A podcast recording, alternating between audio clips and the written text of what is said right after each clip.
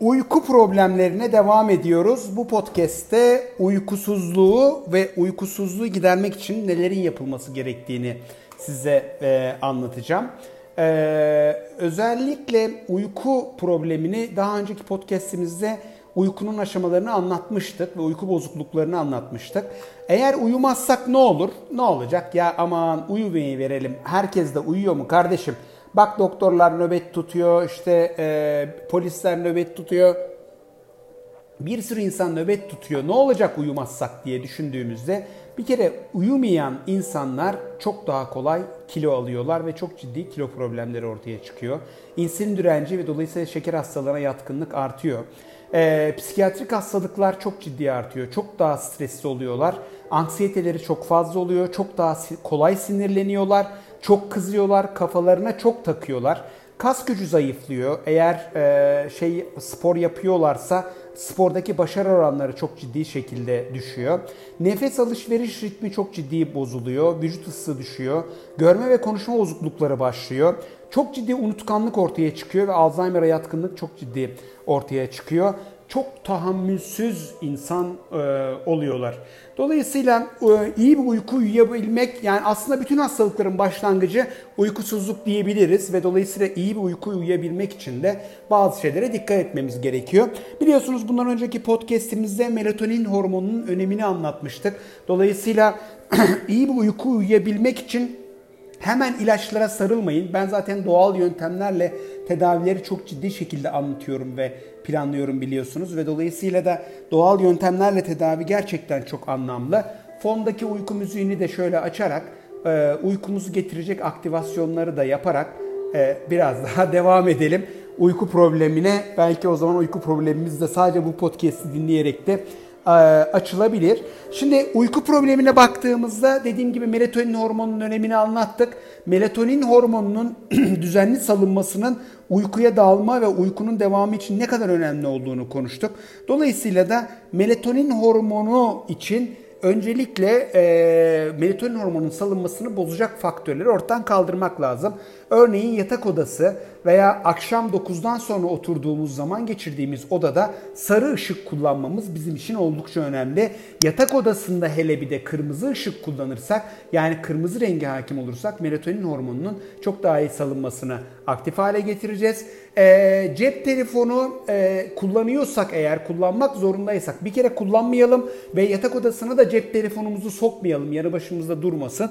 Ama eğer kullanıyorsak da mavi ışık modunu aktif hale getirelim. Yani mavi ışık salınmasını bozarak melatonin hormonunun e, olumlu hale gelmesini biz için daha sağlıklı salınmasını e, aktif hale getirelim.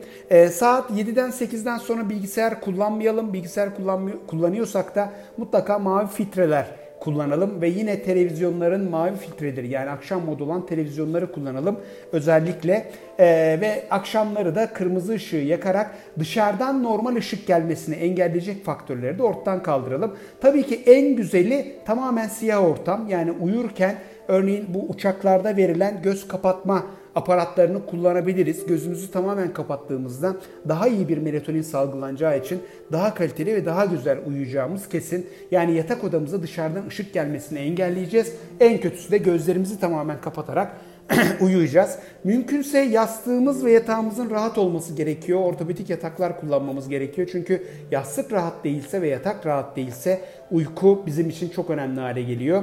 Uyuyacağımız ortamlardaki ortam ısısı bizim için çok önemli.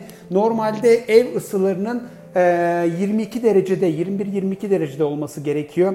Akşam ise 19 ila 20 derece, 18 ile 20 derece arasında yattığımız yerin olması ve üzerimizde bir örtünün olması çok sağlıklı uykunun gereçlerinden birisi. Akşam 7'den sonra yemek yememek gerekiyor çünkü yediğimiz yemek 7'den sonra e, yediğimiz yemek 7'de yediğimiz yemek en geç e, sindirim anlamında e, bağırsaklara ortalama 11-12 gibi geçiyor. Eğer biz 9'da 10'da yemek yersek, hele ki gece 12'de yemek yersek o midemizde olacağı için ve bütün mide bağırsak sistemi aktif hale geleceği için maalesef ki sağlıklı uyku uyunması mümkün olmayacak. Ee, uyku ile ilgili ana şeylerden birisi de yani bunlar çok basit alabileceğimiz tedbirler.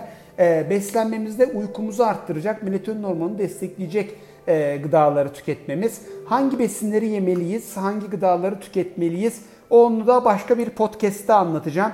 Ee, ve hangi bitkisel çaylar e, uykuyu rahatlatır ve iyi gelir onu da başka bir podcast'te anlatacağım. Ee, ancak gene e, bu dik, özellikle uyku problemlerinde e, bu söylediğimiz şeylere dikkat etmenin yanında bazı bitkisel çaylar diğer podcast'imizde yayınlayacağımız bitkisel çayları tüketmeniz veya melatonin hormonunu destekleyecek e, besinleri tüketmeniz de sağlıklı uyku için oldukça önemli olacaktır. Genelde iyi uyuyabilmek için süt tüketirler ancak süt kazein içerir. Yani özellikle mide bağırsak sisteminde parçalanması zor bir e, besin içerir. Onun için de lütfen ama lütfen süt tüketmeyiniz. Ee, özellikle uyku problemi varsa sakın ola ki süt tüketmeyiniz. Ee, sağlıklı uyku uyuyabilmek amacıyla ilaç kullanmadan önce benim yine bu söylediğim şeylere dikkat etmenin dışında en fazla önerdiğim şey akupunktur. Biz e, akupunktur tedavisiyle e, özellikle çok başarılı şekilde e, sağlıklı uykuyu sağlayabiliyoruz. 2 haftalık haftada 3 kez yapacağımız akupunktur sonrasında mışıl mışıl uykuya dalıyorsunuz ve çocukluğunuzdaki o uyku kalitesini arttırabiliyorsunuz. E, uykuyu e, akupunkturla sa- sağlayabiliyoruz ama bir de fazla uyku uyumamamız gerekiyor. Yani belirli saatlerde kalkmak gerekiyor. Çünkü melatonin hormonu uyku için ne kadar önemliyse kalktığımızdaki hormonal dengemiz de bizim için çok önemli. Örneğin sabahleyin 5 ile 7 arasında salgılanan e, kortizon hormonu bizi güne hazırlayan ve tüm sistemleri aktif hale getiren bir hormon. Dolayısıyla 7'den sonra ben genelde 7 en geç 8'den sonra e, mutlaka uyanmanızı öneriyorum. E, zaten en az 6 saat uyumanızı öneriyorum. 8 saatin üzerinde de uyumamanızı öneriyorum. Yani günlük olarak 6-8 saat e, uyumanız oldukça önemli. Uykuya dalarken belki ılık ılık bir duş çok e, büyük bir şeydir, e, aktivasyondur. E, ılık bir duş e, çok rahatlatır ve gevşetir. Ee, onun için de mutlaka ama mutlaka ılık bir duş olarak girmenizde fayda var. Ee, yine e, uykuya girmek için eğer yatağa yattığınızda hemen uykunuz gelmiyorsa dışarıda kitap okuyabilirsiniz. Yani uyku getirecek aktiviteleri yapabilirsiniz ama yatağı sadece uyumak için kullanın. Yani yatakta televizyon seyretmeyin, yatakta kitap okumayın. Dışarıda kitap okuyun, uykunuz gelince direkt olarak yatağa yatın. Böylece çok daha rahat olduğunu göreceksiniz. Çok daha rahat uykuya daldığınızı göreceksiniz. Çocuğunuz veya e, ebeveynin olarak e, e, işte eşinizle birlikte yatabilirsiniz ama çocuklarla sakın yatmayın. Çocuklar çok aktif ve hareketli oldukları için uyku kalitesini çok ciddi şekilde bozacaklardır e, mutlaka. E, egzersiz yapmayın. Eğer aktif spor yapıyorsanız uykudan en az 4 saat önce sporu mutlaka ama mutlaka bitirin. Kafein veya enerji veren içecekleri en az 4-6 saat öncesinde e, tüketin. 4-6 saat uykuya kala tüketmeyiniz. Yani akşamleyin kahve içeyim yatayım bu maalesef sağlıksız bir uykunun ana temellerinden birisi. Ee, onun için de e, oldukça etkili olacaktır. Ee, bu, bu içeceklerinize dikkat etmeniz, gazlı içeceklerden uzak durmanız. Genelde hep aynı saatte uyumaya dikkat edin ve hep aynı saatte kalmaya dikkat edin. Belki başlangıçta zorlanabilirsiniz ama ondan hemen sonra yani 3-4 gün sonra vücut bu tempoya alışacağı için çok da etkili olacaktır ve çok da sağlıklı olacaktır. Ee, bir de ben genelde öğlen uykusunu öneriyorum. Öğleyin eğer yapabiliyorsanız, eğer imkanınız varsa bir saat uyku gerçekten çok da etkili oluyor. Genelde yemek sonrası uyku çok daha etkili oluyor. Öğlenleri için söylüyorum. Dediğim gibi akupunktur ben hemen uyku ilaçlarını önermiyorum. Önce bitkisel tavsiyeleri öneriyorum. Mutlaka akupunkturu öneriyorum. E, yine uyku için biz hipnoz yapıyoruz. Hipnoterapi uyguluyoruz ve bilinçaltında çözemediğimiz ve sıkıntı yaratacak problemleri ortadan kaldırmaya çalışıyoruz. Dolayısıyla da bu üç yöntem akupunktur biliyorsunuz iğnelerle yapılan bir tedavi ve çok basit bir tedavi ve çok kaliteli bir uyku sağlıyor. Bitkisel ilaçlar ondan hemen sonra geliyor. Önce akupunkturu kullanmaya çalışıyorum.